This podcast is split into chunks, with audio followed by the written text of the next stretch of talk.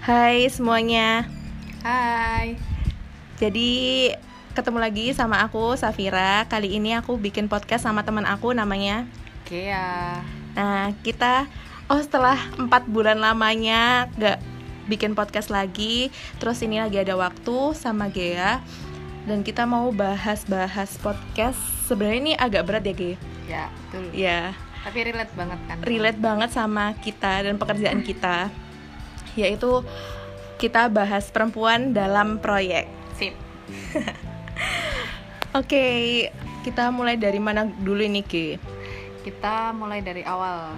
Kita bisa milik jurusan yang buat kita terjun ke dunia Uh-uh. proyeknya. Ya, jadi kan pasti eh, dalam pekerjaan yang sudah kita ambil ini pasti ada backgroundnya kan. Dulu kita eh, jurusan apa yang relate sama pekerjaan yang kita ambil sekarang.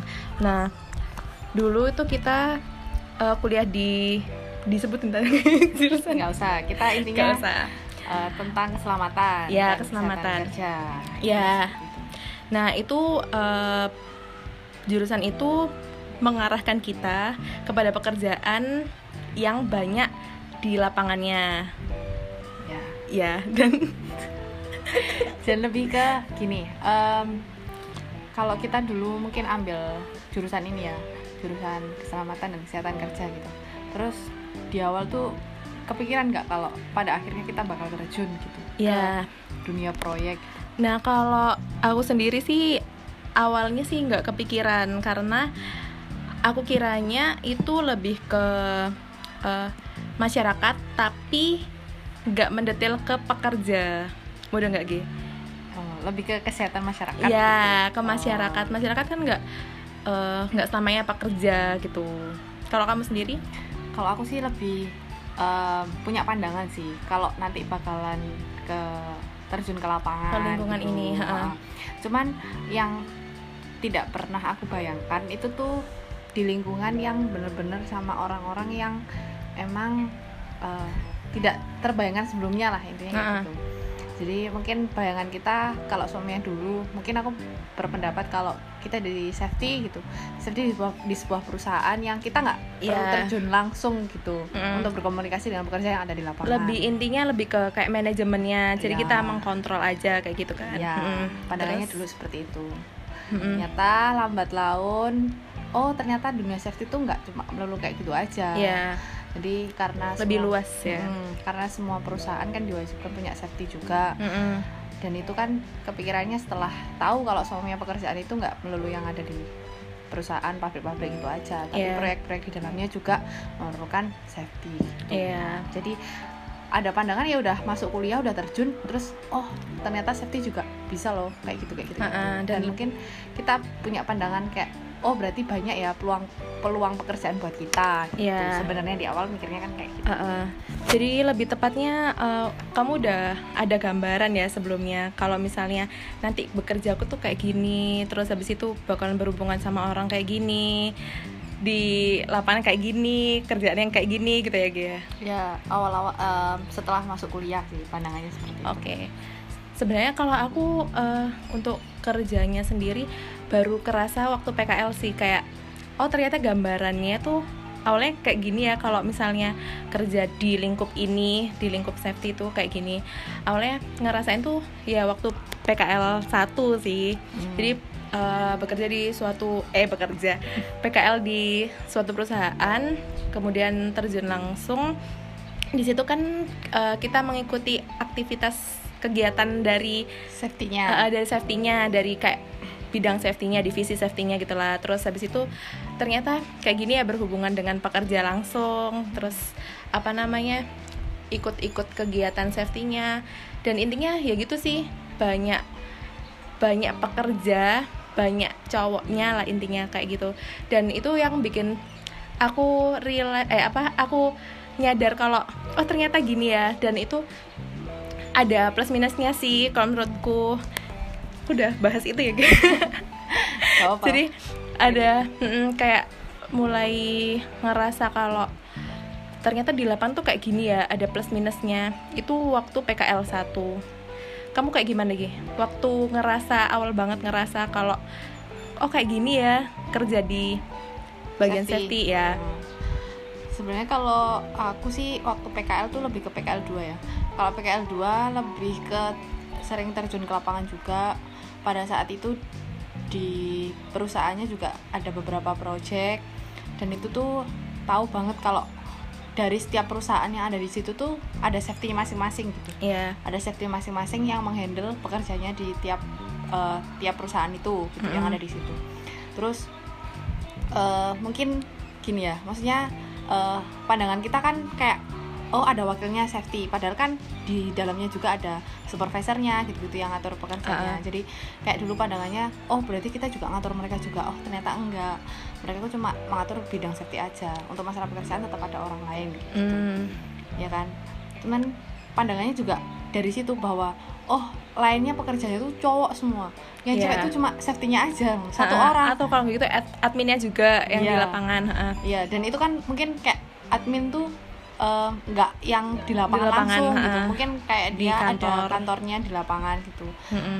Kalau yang benar-benar pada saat pekerjanya sedang bekerja, yang ada di situ standby ya safety-nya gitu. Iya. Dan itu perempuan sendiri di lingkungan yang semuanya cowok gitu. ya Nah, ya disclaimer aja sih ini jadi kita pem- membahas ini perempuan dalam proyek ini ada hubungan dengan laki-laki jadi eh, kita bukan bermaksud dalam podcast ini kita bukan bermaksud eh, menjelekkan laki-laki ya. Ya, dan nggak semua sifat laki-laki itu sama kan. Maksudnya yang kita bahas di sini adalah yang pengalaman dari kitanya aja. kita eh, pengalaman dari kita dan belum tentu uh, pengalaman dari safety perempuan yang lain itu sama kayak apa yang kita alami benar benar gitu. benar alhamdulillah kalau nggak seperti yang kita alami tapi nggak semua pengalaman kita tuh pengalaman yang jelek juga Iya, Jadi, uh. ada beberapa hal keuntungan dan mungkin kita ngerasa nggak nyaman itu ada tapi Iya. keuntungannya juga ada lah kita Mm-mm. di lapangan tuh kayak apa ada. Jadi kita share tentang pengalaman kita selama kita uh, bekerja beberapa tahun ini, tapi masih kayak pengalaman kecil banget. Iya, Jadi belum ada apa-apanya. Kita share dari sudut pandang kita sebagai perempuan. Kok kayak ini banget ya. yang terjun Sudut- di lapangan Uh, yang terjun di lapangan. Mungkin dari teman-teman uh, ada yang belum tahu mungkin sudut pandang dari kita sebagai perempuan yang bekerja di lapangan itu seperti apa. Makanya kita mau share di sini tentang pengalaman kita. Oke, lanjut. Terus Uh, apa ini lagi? Saf, uh, Mm-mm. Kamu merasa nggak keuntungannya kamu tuh kalau kamu sebagai perempuan yang terjun di lapangan tuh kayak apa? Mm-mm. Sebenarnya ngerasa banget sih kayak uh, kalau misalnya terutama pekerja ya, pekerja tuh kan uh, macam-macam latar belakangnya, macam-macam sifatnya. Hmm, ya, Jadi ya. kan mereka nggak bisa disamaratakan kan. Betul. dan itu tergantung pendekatan kita gimana caranya bisa merebut hatinya lah istilahnya. Ya. Bisa buat hati doi ya. Bisa merebut hati pekerja itu. Jadi kayak kalau mereka eh, buat mereka mau nurut sama buk- nggak selamanya peraturan sih kayak mau nurut sama apa yang seharusnya dilakukan sama mereka itu kita pendekatannya lebih enak sih sebagai perempuan. Karena kalau perempuan tuh orangnya kalau menurutku ya orangnya aja gak berani marahin kita kayak gitu loh. jadi kayak mau nggak mau mereka Dengerin nurut gitu eh, ya. dengerin. At least dengerin lah kalau misalnya kita eh, lagi ngomong itu pasti didengerin. Dan ya mungkin ada yang nggak nurut juga itu tergantung kita pendekatannya gimana. Tapi kalau dibandingin sama yang lain maksudnya cowok kalau kadang kan ada yang ya ada juga sih cowok yang Bisa. mau eh, mau diturutin lah oleh pekerjaannya tapi kebanyakan kalau cewek sendiri didengerin gitu didengerin dan langsung dila- dilakuin gitu kalau kamu sendiri ya apa ki Em, kalau itu juga aku merasa di beberapa beberapa waktu ya. Heeh. tapi tapi ada ada kalanya juga gitu loh kita sebagai perempuan Tetap ya. Oke, ada gangguan teknis sebentar ya, guys.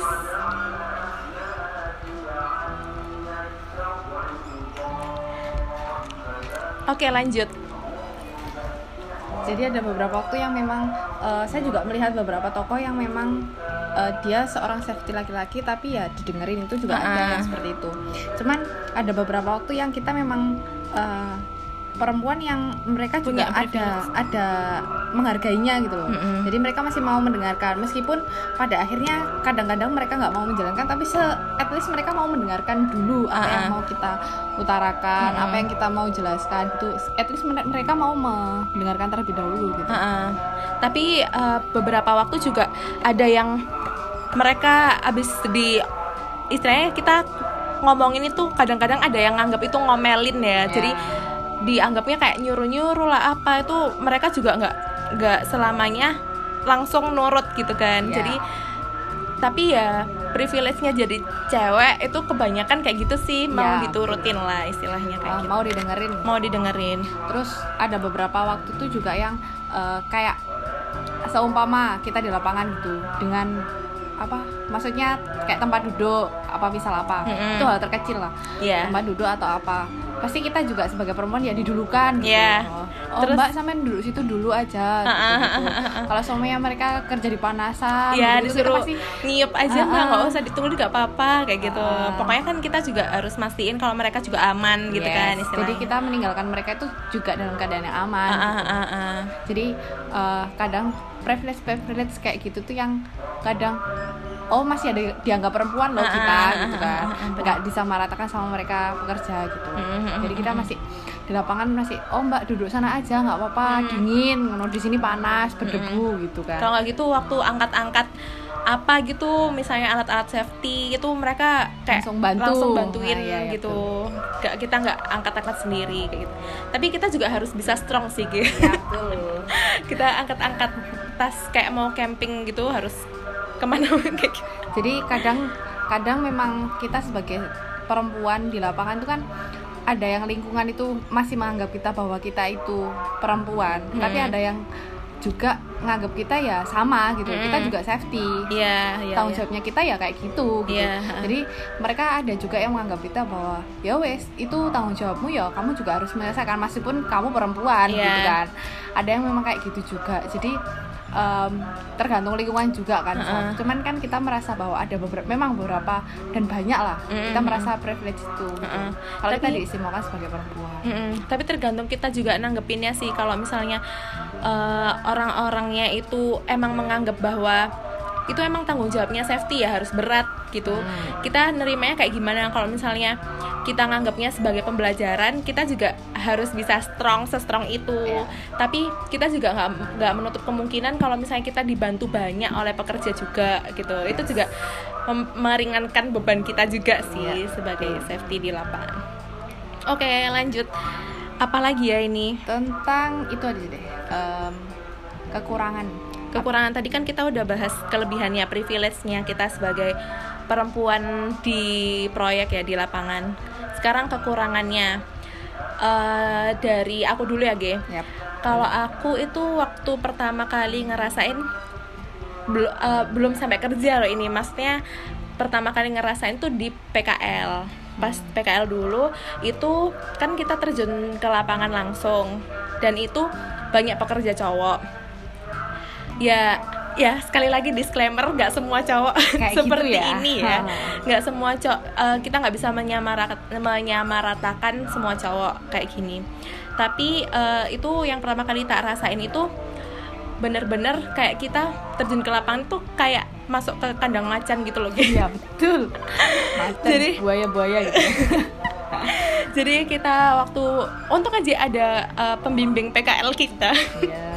Jadi kayak eh, kita masuk terus kayak noleh ada cewek satu dua aja kayak udah ini banget kayak makanan. banget kayak lihat makanan yang mau dihempaskan gitu, mau direbutkan.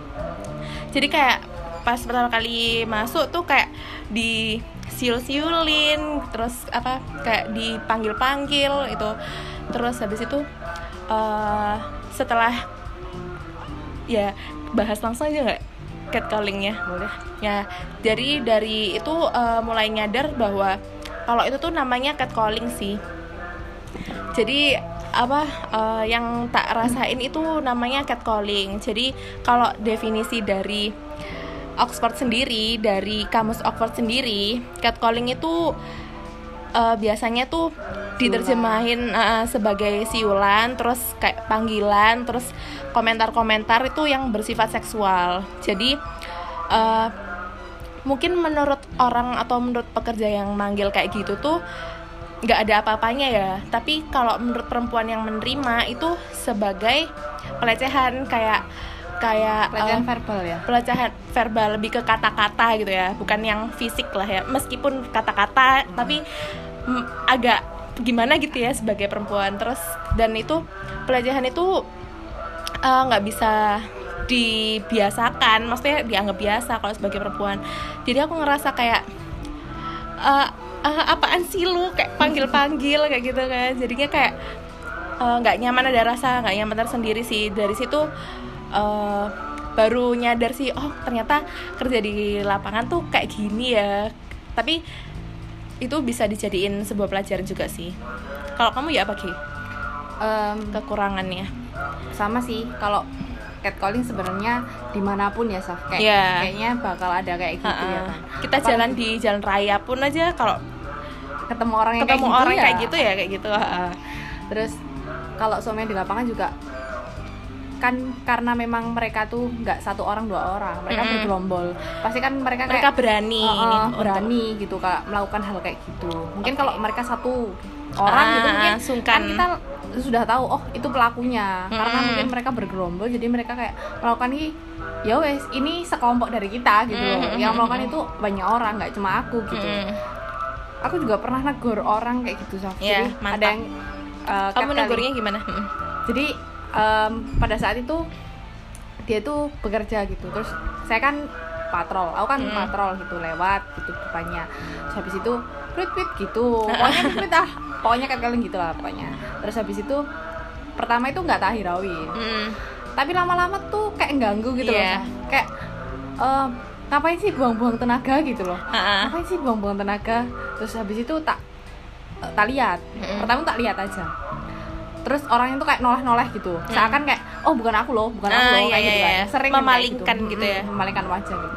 Terus habis itu tak tegur bapak nggak tahu nama saya tak pak? Gitu. nah. Katanya kayak gitu.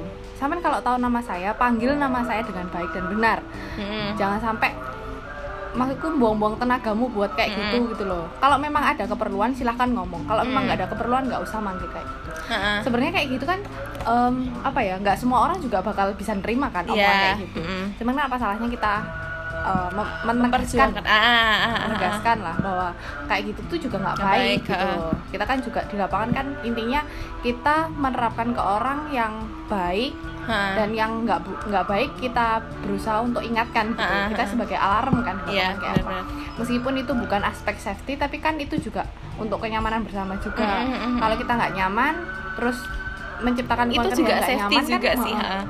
Jadi kan eh, lebih ke psikologinya ya kalau misalnya eh, sesama teman kerja udah nggak nyaman kan bisa jadi nanti ngarah ke safety-nya juga ya nggak sih Ge? Iya, jadi betul. nanti ke kecelakaan atau apa terus ada miskomunikasi itu kan juga mengarah ke apa mengarah ke kecelakaan gitu loh cuman karena mungkin kita sebagai minoritas ya Saf Mm-mm. kayaknya kita nggak terlalu dilihat sama mereka maksudnya Iya. aspek keselamatannya dari kita gitu Mm-mm. terus juga em, itu juga salah satu kekurangan ya kalau kita sebagai kaum minoritas di lapangan itu kan pasti ya apa ya kalau seumpamanya memang ada kepentingan apa ya saya, saya- aku bingung menjelaskannya gimana.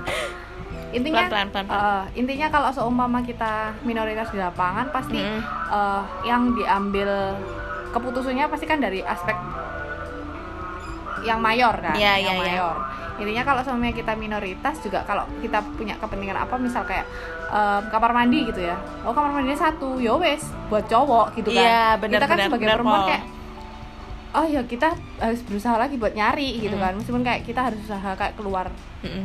sebentar ya guys nih ada adan dengerin adan dulu aja Iya, tunggu ya.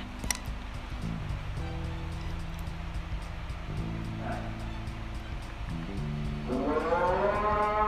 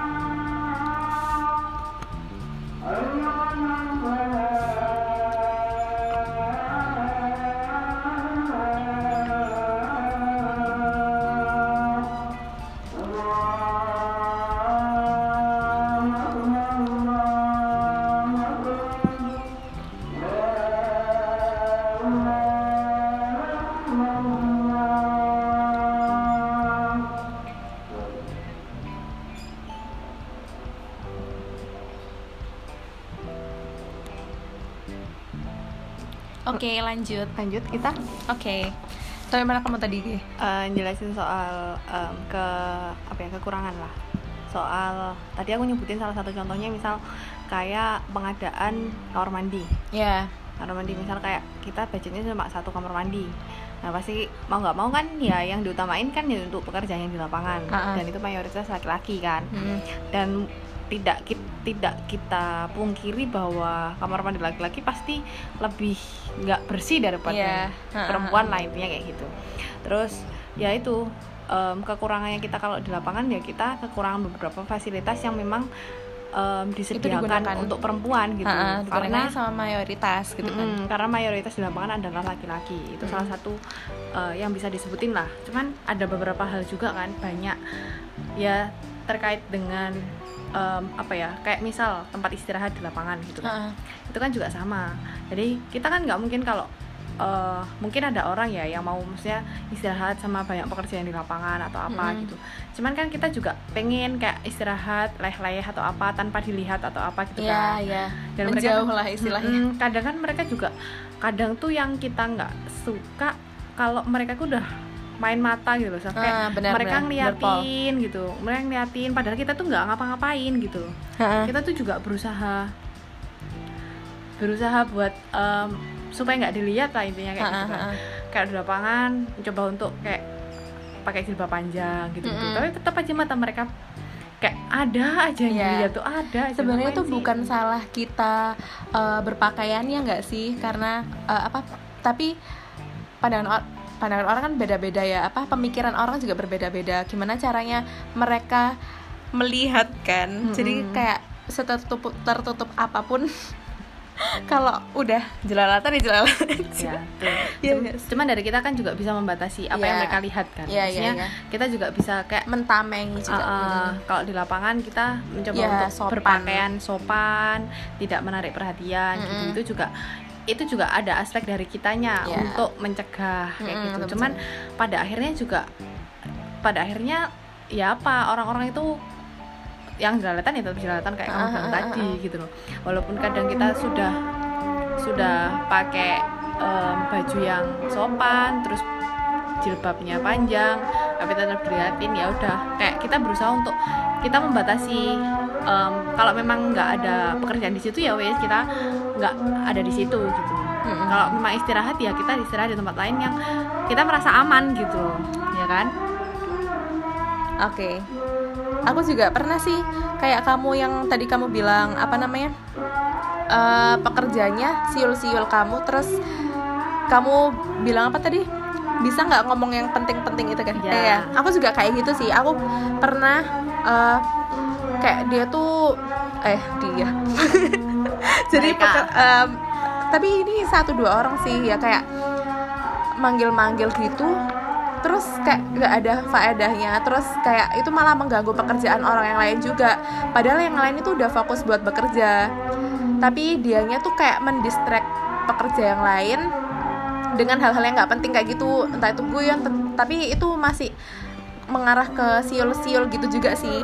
Terus aku balasnya dengan ya ka- kayak kamu juga sih. Aku bilangnya bisa nggak ngomong yang penting-penting aja? Langsung tak gituin tak sewotin kayak gitu. Terus dia lama-lama diem dan kayak ya udah kayak malu-malu sendiri. Terus ke belakang temennya kayak rasan-rasan ke temennya gitu rasan-rasan temennya kayak wah mbak Iki ngene rek ngamuk rek kayak gitu-gitu terus ya udah itu sebenarnya sesekali kita perlu sih Ya, bilang kayak gitu betul. biar mereka juga belajar kalau Itu nggak eh, benar, iya gitu. itu nggak benar dan itu nggak profesional sebagai Pekerja. pekerja. gitu dan pekerjaan gitu loh dan itu kan bahaya juga kan kalau misalnya dia eh, mau guyonnya dia doang tapi dia udah mengganggu pekerja lain yang udah fokus sama pekerjaannya jadinya kan bisa mengarah ke hal yang buruk juga kan makanya itu sesekali perlu sih kita buat negur pekerja tapi juga kayak gitu eh, seringnya pasti kita juga diem lah kalau digituin karena Iya. karena menjaga semakin- perasaan Uh, mereka juga. semakin kalau kita tanggepin juga mereka juga bakal kayak gitu gitu Iya, kan. uh. tapi sesekali kita perlu menegaskan cuman Mm. pada kenyataannya juga kita seringnya juga diem Uh, tapi uh, uh. sekali dua kali nggak apa-apa kita Iya. tegesin lah bahwa kayak gitu tuh juga nggak juga kita nggak suka gitu kita Iya. menunjukkan ketidaksukaan kita kalau Mm, mereka mm. melakukan hal tersebut gitu tapi kita juga nggak boleh kebablasan kebablasan kita Sampai bilang terus ngolok-ngolok gitu uh, kan, nggak jangan suka sampai terus sampai gitu sampai perang dunia jangan. Jangan dong. Nanti dia malah nggak bekerja. Gondok malahan nanti. Oke terus nah ini nanggepin sama catcalling tadi ya. Eh, kenapa kok orang-orang itu berpikiran bahwa catcalling itu sesuatu yang menyenangkan bagi mereka? Kayak apa namanya?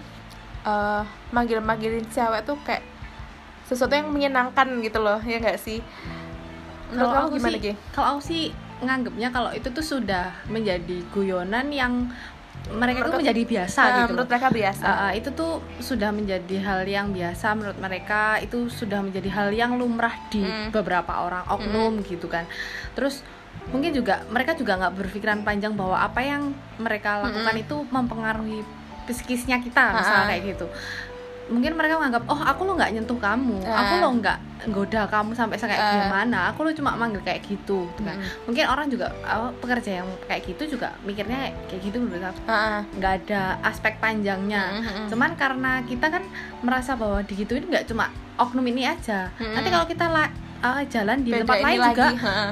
Dirasa ngerasain kayak gitu Mm-mm. kayak gitu nggak cuma sehari dua kali kak selama proyek kita jalan gitu kan itu kan juga mempengaruhi apa yang kita rasakan kita Mm. nggak nyaman kayak aduh kok nggak nyaman jadi ya di malas kerja gitu. Heeh. Ha-ha. apa pindah aja ya? Mm. ngono orangnya kok nggak nggak enak ya kok kayak gini ya gitu kan. Kita berpikiran kayak gitu.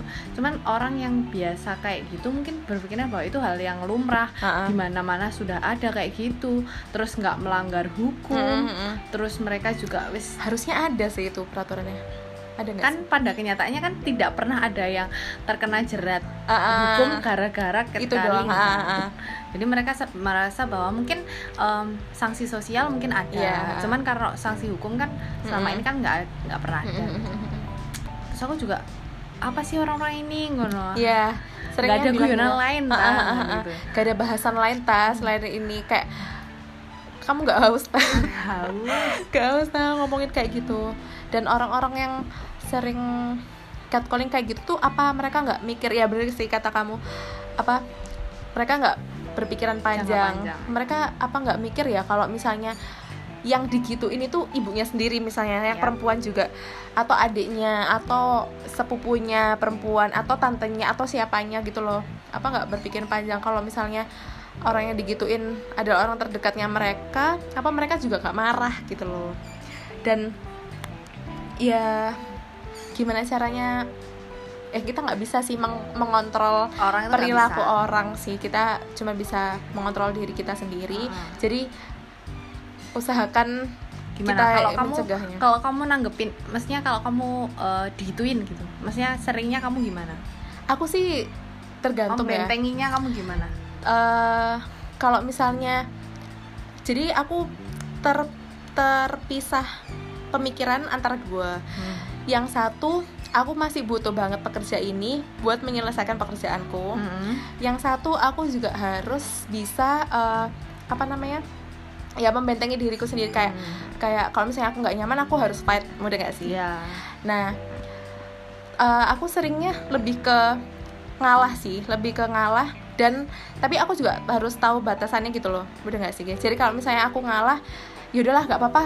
Eh, ini gini tok, maksudnya selama dia masih belum merugikan aku yang seperti apa pun, Mm-mm. maksudnya se seburuk apa itu, itu nggak apa-apa sih masih. Aku kalau misalnya di kayak gituin, paling ya yang tadi jawabanku yang tadi kayak bisa nggak sih eh bisa nggak sih penting-penting aja ngomongnya penting-penting aja kayak gitu di disewotin kayak gitulah paling pol karena aku juga masih butuh mereka gitu buat pekerjaanku tapi kalau dia udah benar-benar sampai yang fisik terus kayak ngomongnya udah benar-benar bikin aku eh, apa ya kayak gak nyaman banget itu bisa sih aku buat ngelaporin gitu loh udah nggak sih Ah. selama aku masih bisa membentengi ya gak apa-apa sih kalau aku sendiri. Kalau kamu ya apa gitu? Kalau aku juga hampir sama sih. Jadi em, saya ki sa- aku aku lah bukan saya. Terlalu Aku formal. aja, aku Iya, aja. aku aja aku aja.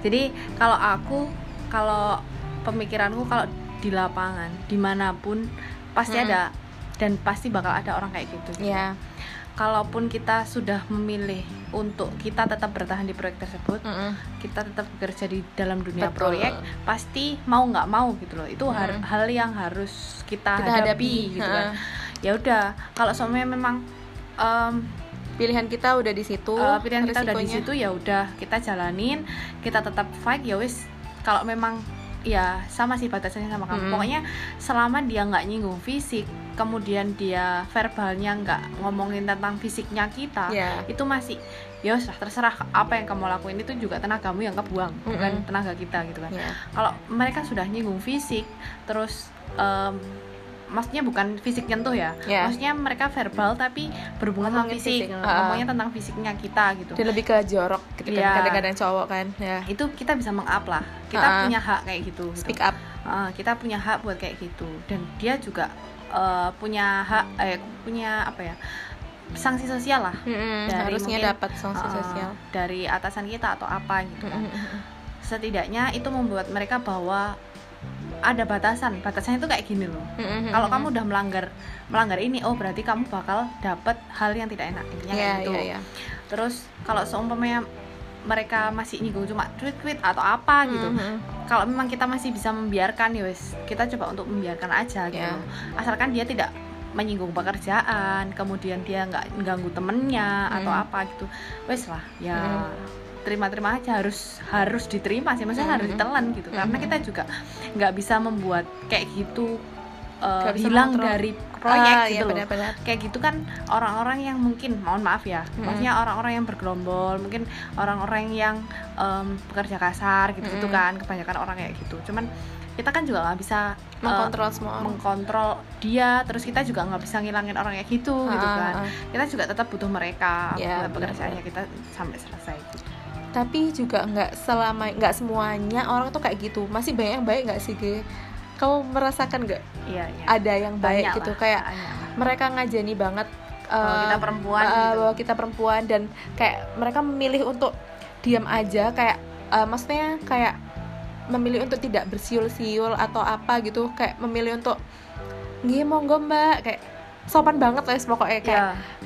gak sama kayak Ada kayak gitu. kayak gitu. banyak juga sih kayak gitu jadi kita nggak mau menjelekkan dan meng, men- menggeneralisir menyamakan Menyamaratakan. menyamaratakan semua orang itu Semua seperti itu orang. semua laki-laki itu seperti itu enggak banyak juga kok yang orang-orang kayak gitu yang masih sangat menghormati kita Mm-mm. misal kayak dia melakukan apa mbak permisi boleh nggak seumurnya saya kayak gitu Ya, gitu kan ya, ya. itu kan benar-benar menurut kita bahwa kita tuh masih dihormati kita tuh Mm. dianggap bahwa kita itu ada dan kita itu uh, masih mau mereka mau masih mau mendengarkan kita gitu Ha-ha, Jadi, dihargai kinerja kinerja kita juga uh, uh, kayak gitu orang juga masih banyak gitu Ha-ha. kebanyakan orang yang sering catcalling dan sebagainya itu orang yang memang udah keluar kuping kiri Ah, telinga udah kiri. masuk kuping kiri keluar kanan. Ya wis kayak gitu intinya. Jadi ya wis mau nggak mau tapi ya yang penting apa yang kita bisa usahakan untuk membentengi diri kita usahakan. Untuk yang orang lain kita kan nggak bisa kontrol. Gitu terus kan banyak yang bilang ya kayak orang sekitar kita lah misalnya kayak Mm. eh, ada yang bilang positif ada yang bilang negatif. Ada yang bilang kalau yang positif tuh kayak wah keren ya kamu so strong gitu. Ah, kamu bisa di lapangan eh, Kepanasan lah, kepanasan gitu. Apa kamu eh, apa eh, cuma mandori aja eh, gitu cuman kan. cuman lihat Ngeliatin aja. ngeliatin aja kayak gitu-gitu. Tapi ada juga yang eh, bikin kadang bikin down juga kan kayak Iya. kayak eh, kamu kan- lu udah sekolah Eh, eh, terus, kamu terus kerja sih. kasar kayak gitu. Istilahnya kan kayak gitu. Terus kamu ya apa Ge nanggepinmu Ge Kalau yang kayak itu relate banget sih Sal. maksudnya memang dari kayak mungkin ada banyak orang yang mungkin nggak tahu jurusannya kita Ah. terus nggak tahu ranahnya kita itu apa aja Ah. gitu kalau kita di lapangan tuh kerjanya apa mungkin ada orang yang kayak oh lah kamu mandor tah Hah, bukan bukan saya bukan mandor Iya, sering banget kalau digituin. saya kalau saya ditanyain pekerjaan mungkin sedikit banyak saya nggak tahu gitu Iya loh. benar. cuman Kalau aspek safety. Mm-mm, kita lebih ke arah safety-nya aja ngono. Oh, kamu berarti mek nunggu itu ngono. Ya enggak juga sih Ah, ah, ah, ngono. ah. Cuman ya emang kita tugasnya emang memonitor juga. Ah, ah, ah. Terus kalau semua orang beranggapan negatif soal kita ya em, karena dia juga nggak tahu apa ya detailnya di lapangan itu kayak apa Hmm. kita tuh kerjanya di lapangan kayak apa cuman ya memang ada benernya juga ada salahnya juga gitu loh Ah, ah, ah. kita memang kerja di lapangan tapi em, kita bukan pekerja lapangan yang kasar gitu Iya, loh iya, kita iya, iya. pekerja lapangan yang memang kita juga punya background pendidikan yang kita bisa terapkan ketika kita bekerja Bener di kok. lapangan Mm-mm. gitu loh jadi kalau orang yang anggap kita setengah apa ya setengah mata apa sih Sebelah mata. sebelah mata setengah mata sebelah mata itu kayak oh kamu kok sudah sekolah tapi kok kamu kerjanya di Iya, lapangan iya. panas-panasan terus sama orang-orang gitu-gitu ngono kan cuman kan nggak ada salahnya kalau memang apa yang kita kerjakan di lapangan berpengaruh buat orang kita mengerjakan sesuai dengan apa yang kita pelajari Mm-mm. dan itu nggak keluar dari jalur gitu loh cuman kalau mereka menganggap bahwa kita nggak nggak apa ya nggak keren nggak apa ya udahlah Ah, gitu. ah, ah, ah. ya udah itu terserah pandangan orang mau ngomong kita kayak gimana gitu kadang kan kita nganggap oh kamu bisa sukses tak kayak gitu loh maksudnya mereka nggak bisa ngejudge kita kayak gitu kan Ah. kita kan nggak tahu 10 tahun ke depan gimana lima benar. tahun ke depan kayak gimana mungkin justru kita dari lapangan tuh nggak cuma belajar tentang safety-nya tuh kayak gimana Hmm. justru dari orang-orang kayak gitu kita banyak belajar soal artinya kita cari uang tuh kayak gimana Ha-ha. sebe- sebekerja kerasnya orang Ha-ha. buat cari makan sehari tuh kayak gimana tuh Hmm. kita ngerasa gitu loh Ha-ha. jadi kita kalau ngerasa sama uang tuh lebih apa Menghargai ya, banget. menghargai gitu loh Mm-mm. jadi di lapangan tuh nggak cuman tentang uh, pekerjaan yang kayak gini kayak gini cuman dari segi sosial kita dari Ha-ha. segi pembelajaran hidup Mm-mm. Oh, banyak orang yang kerja di lapangan tuh yang kayak dia harus berpisah dari keluarganya Mm-mm. gitu Jauh merantau. dia kerjanya tuh sangat memerlukan tenaga yang sangat ekstra Mm-mm. tapi bayaran dia nggak seberapa gitu kan itu kan juga membuat kita bahwa kita sangat beruntung loh di sini Mm-mm. meskipun kita di lapangan tuh kita beruntung gitu loh Mm-mm. masih banyak orang yang masih merasakan di bawahnya kita gitu. Mm-mm. kalau kamu gimana Kalau aku sih tadi bahas apa ya? lebar deh kayaknya ya? Mbak? lebar Tadi bilang apa ya Ge kamu? Oh tanggapan orang sekitar ya. ya Kalau aku sih lebih ke ya itu kan macam-macam ada yang positif ada yang negatif tapi gimana caranya aku ngefilter aja sih kayak kalau aku udah milih ini ya udah resikonya kayak gini aku harus menerima menerima resikonya juga dan apa pun yang tak lakuin ini tapi kalau lebih ke lapangannya itu bikin belajar banget sih kalau misalnya jadi safety itu kayak sebenarnya nggak cuman aspek safety ya benar katamu Ge kayak kalau ngeliat pekerja kayak kayak nangis Kasian dewe gak sih nangis Kasian. dewe apa namanya eh kadang ada yang udah berumur gitu nggak Iya, sih betul. berumur terus eh, apa Masih namanya harus bekerja masih keras. harus bekerja keras dan punya istri punya anak di rumah. Jauh. Jauh gitu. Terus kalau mereka lagi nelpon keluarganya kayak gimana? gitu kayak ya wes gitulah terus aku pernah diceritain sama temanku juga eh, kan diceritain sama temanku jadi dia tuh apa pekerjaannya tuh kayak lagi kan proyeknya kan di lapangan luas lah istilahnya. Terus kan nggak ada tempat berteduh ya di situ. Terus habis itu eh, dibawain makanan lah sama mandornya istilahnya kayak gitu. Terus makan bareng-bareng di situ ya udah kena debu kayak gitu kayak kayak makan mulu dari tangan kayak se se perjuangan itunya gitu loh. Terus ada lagi yang apa namanya kan dibawain ayam kayak ayam yang bermerek. Udah gak sih? Ayam, Ayam goreng bermerek. gitu kan. Bermerek dibawain yang gitu. viral. Heeh, terus dimakan nasinya doang. Terus Nasinya. ayamnya itu dibawa pulang Hmm. buat anaknya. Ah, kayak kita yang bikin eh, apa sebenarnya bekerja. banyak. Nah, sebenarnya kerja di safety tuh nggak cuma mikirin keselamatan aja tapi psikologinya juga sosialnya juga.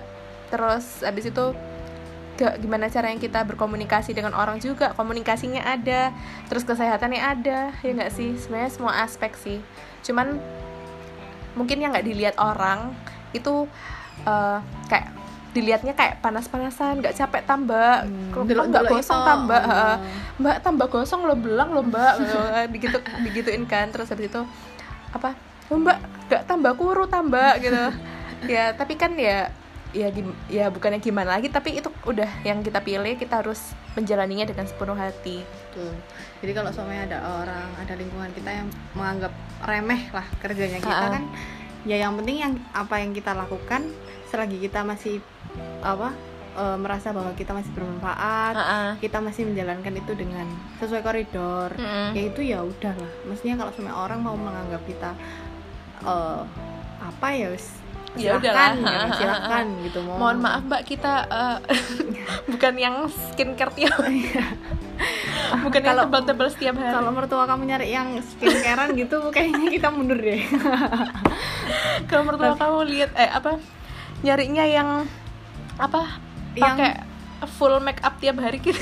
Kayaknya kita mundur deh. Tapi kalau kalian nyari yang eh, bisa angkat galon dari depan ke belakang angkatin atas Iya, bener, bener, bener. kayaknya kita maju deh gitu kan.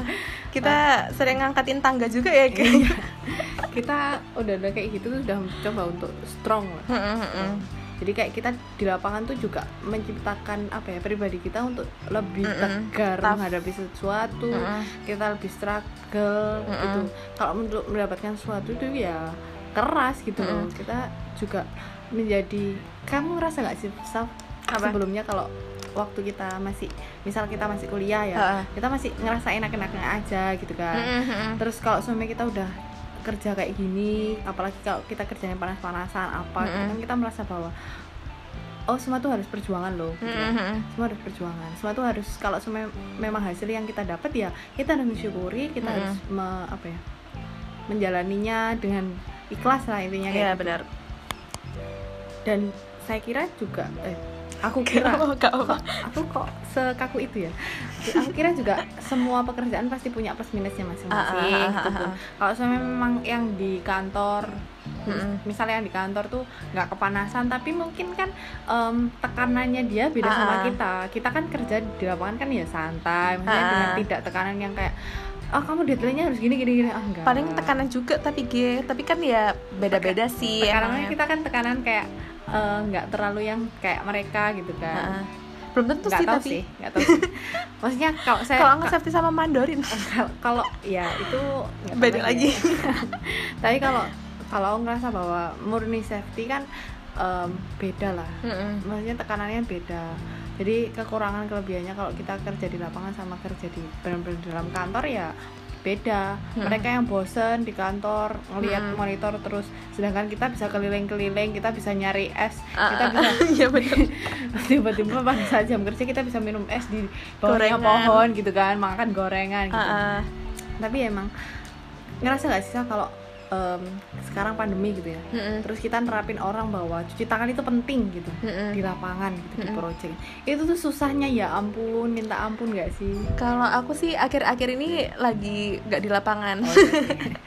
Aku juga. jadi eh, jadi lebih ke aware buat diri sendiri sih. aku ngerasa banget kalau namanya orang di lapangan ya maksudnya eh, mereka lebih ke praktisnya aja lah. Ah, ah. aku tuh udah capek ya udah kalau aku istirahat aku makan ya harus makan gitu Uh, uh, sebenarnya sama-sama pengertian aja sih kayak kalau misalnya pekerjamu pekerjamu kan pasti butuh istirahat kamu kan juga pasti butuh istirahat. Jadi kayak gimana caranya pekerjamu juga bisa ngimbangin waktu kerjamu sama istirahatmu juga tapi kamu juga bisa ngimbangin waktu kerjamu sama eh waktu kerjanya pekerjamu sama istirahatnya pekerjamu juga gitu Iya. gak sih? Hmm, lebih ke ini sih aspek ke itu loh cuci tangan maksudku. Oh. Kalau cuci tangan kan orang kan maksudnya sama kan kalau istirahat kita sama. Mm. cuman kan kalau seumurnya mereka mau istirahat tuh nggak mau cuci tangan terlebih dahulu gitu kan. Mm, terus kalau mau makan cuci tangan tuh aduh kalian paling ucik-ucik kena air yang Ah, penting kena air gitu kan. Hmm. cuci tangan tuh yang penting kena air gitu nggak perlu Hmm. pakai sabun sebagainya gitu kan. Orang-orang kan kadang kayak gitu? Nerapin kayak gitu? Itu lebih ke pendekatan ininya nggak sih? Apa namanya?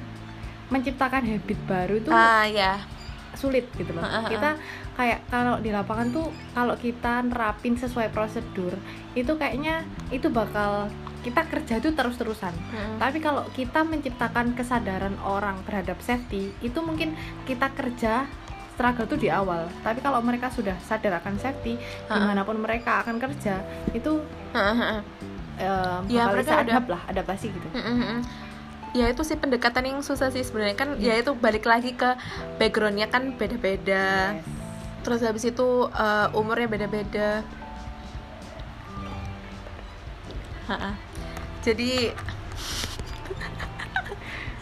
jadi ya wes gitulah. Plus minus di lapangan. Terus apalagi nih? Kamu rencana ke depan pakai dibahas lagi.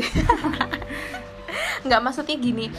Tetap Setelah- stay di Ah, lapangan setelah- atau memilih untuk pekerjaan lain? Setelah kita membahas tentang perempuan dalam proyek ini kan kita eh, maksudnya udah pernah terjun lah ya udah udah terjun dalam lingkungan proyek atau lapangan kan.